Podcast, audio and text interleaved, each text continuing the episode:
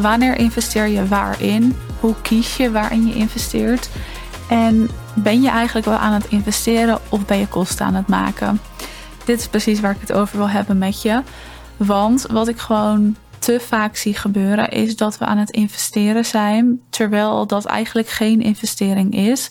Of dat we kosten aan het maken zijn terwijl dat wel een investering is. En dat we dat dus niet op het juiste moment doen. De reden ook dat ik hierover wil kletsen is omdat ik de laatste tijd wat strategie-sessies heb gevoerd. Die heb ik laatst voor het eerst weer even aangeboden voor een aantal plekken. En toen merkte ik en las ik ook in de vragenlijsten die de onderneemsters invulden.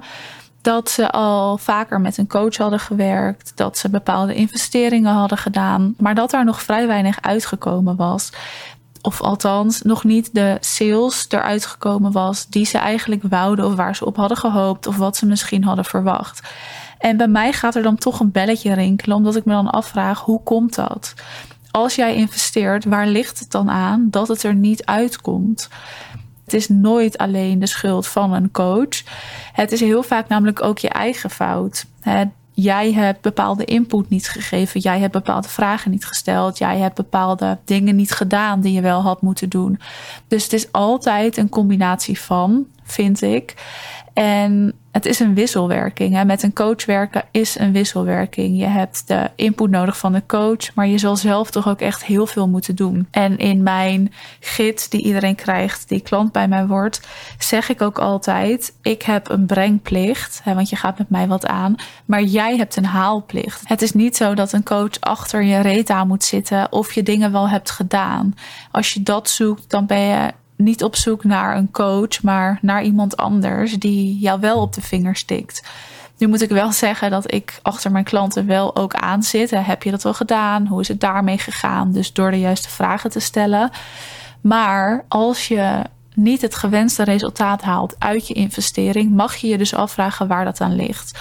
Nou, ik zei het al, in mijn ogen ligt het altijd aan een combinatie van. Maar hetgeen waar jij naar kan kijken is natuurlijk alleen je eigen deel. Wat ik dan altijd als eerste doe en waar ik als eerste naar kijk, is het stukje hoe is het salesproces gegaan? Dus waar was ik naar op zoek? Wat heeft deze persoon mij beloofd? Hoeft overigens geen coach te zijn natuurlijk. Maar in ieder geval in de persoon in wie ik heb geïnvesteerd. Wat heeft diegene mij beloofd?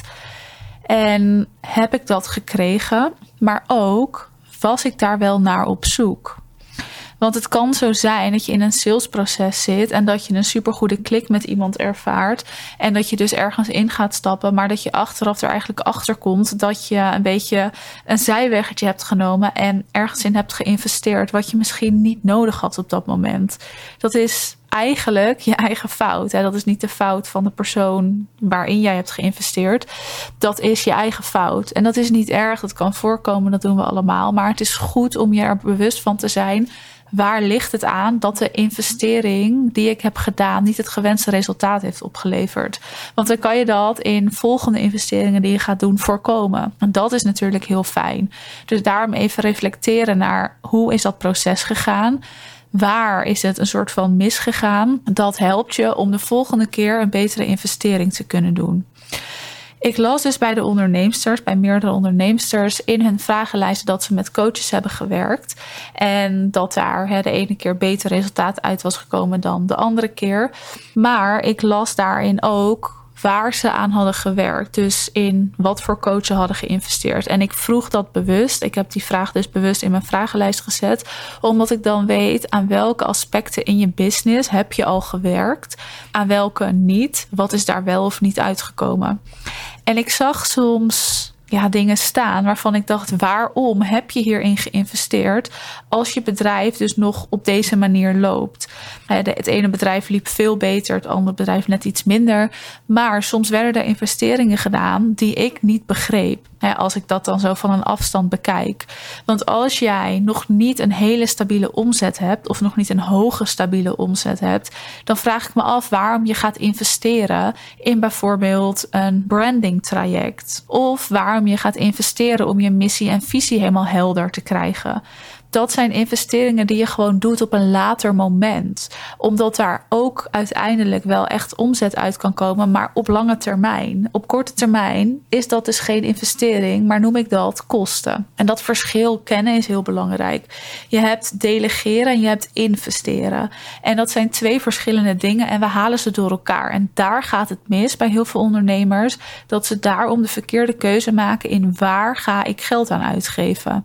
Een investering komt komt er altijd weer uit. Dus een investering in een business coach komt eruit. Een investering in een sales coach hoort er ook meteen uit te komen. Delegeren is kosten maken, je team uitbreiden, een VA inhuren.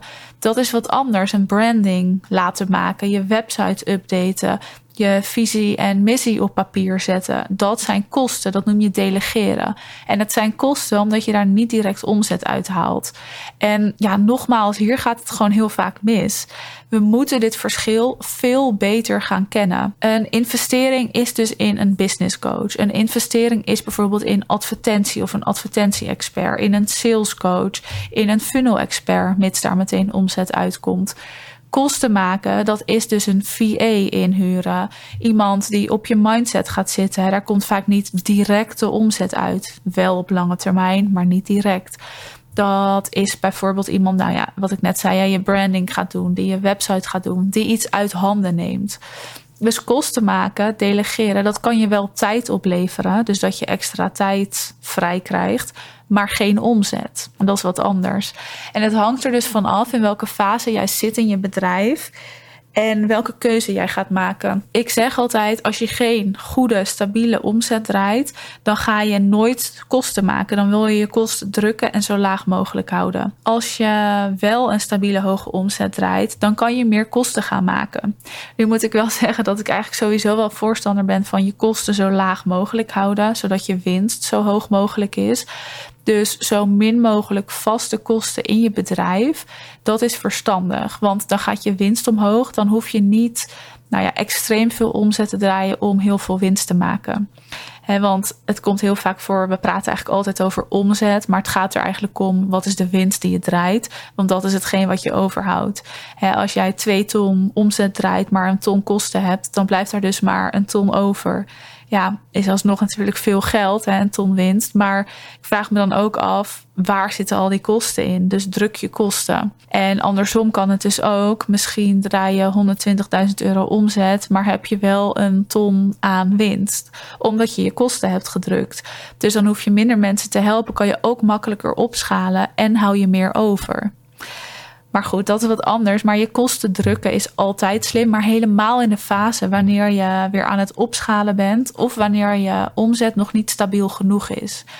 Je kan dan wel gaan investeren. Want investeren zorgt ervoor dat je omzet omhoog gaat. Dat die stabieler wordt. En dat is nodig. Dus investeren doe je eerst, kosten maak je later. Maar ken alsjeblieft het verschil. Want hier gaat het vaak fout dat iemand zegt: Ja, ik heb geïnvesteerd en er komt niks uit. En dan ga ik erover in gesprek. Waar heb je in geïnvesteerd? Hoe zag dat eruit? En dan blijkt het dat het geen investering was, maar dat diegene kosten heeft gemaakt. Ja, logisch dat het er dan niet uitkomt, want dat gaat pas op lange termijn gebeuren. Dus ken het verschil. Wat ik hoop dat je niet gaat doen, of wat ik hoop ook met deze aflevering te voorkomen, is dat je een verkeerde investering gaat doen. Dat doen we regelmatig. Heel veel mensen doen dat. Ik denk ook dat het wel goed is om een keer een verkeerde investering te hebben gedaan, zodat je even kan zien: oké, dit is de fout die ik zelf heb gemaakt en dat ligt hier en hier aan. Dus mocht je ooit een verkeerde investering hebben gedaan of een investering waarvan je eigenlijk een beetje spijt hebt, Doe dan wat ik in het begin zei. Kijk even waar ligt het aan? In welke fase van het proces is dat fout gegaan? En zoek het ook vooral bij jezelf. Wat had jij anders kunnen doen? Maar het allerbelangrijkste is dat je niet gaat investeren als een soort van hoop. Nou ja, als laatste redding. Ik denk dat dat de slechtste investeringen zijn. Ik zou ook heel eerlijk zeggen, als ik in een sales call iemand voor me heb die echt zegt: Ja, dit is de laatste mogelijkheid of dit moet lukken, want anders, dan zeg ik heel vaak ook nee. Of weet je het zeker, want ik denk niet dat dit de juiste manier is om in te stappen omdat het dan een soort hoop is. Hoop marketing, een hoop investering. En met hopen kom je niet zo ver. Je wil een stabiele basis hebben om te gaan investeren. Tuurlijk is het logisch dat een investering spannend is. Tuurlijk is het logisch dat we als we investeren ook hopen dat het goed gaat en dat mag. Maar de valkuil is dat iedereen van alles belooft. Dat er gouden bergen worden beloofd die niet altijd worden waargemaakt. En als je dan gaat investeren vanuit hoop, dan ga je heel vaak de verkeerde investering maken. Omdat je makkelijk te begeleiden bent naar een keuze van het doen van een investering omdat iemand je heel veel kan beloven en jij alleen maar denkt: ja, dit wil ik, dus laten we het maar doen.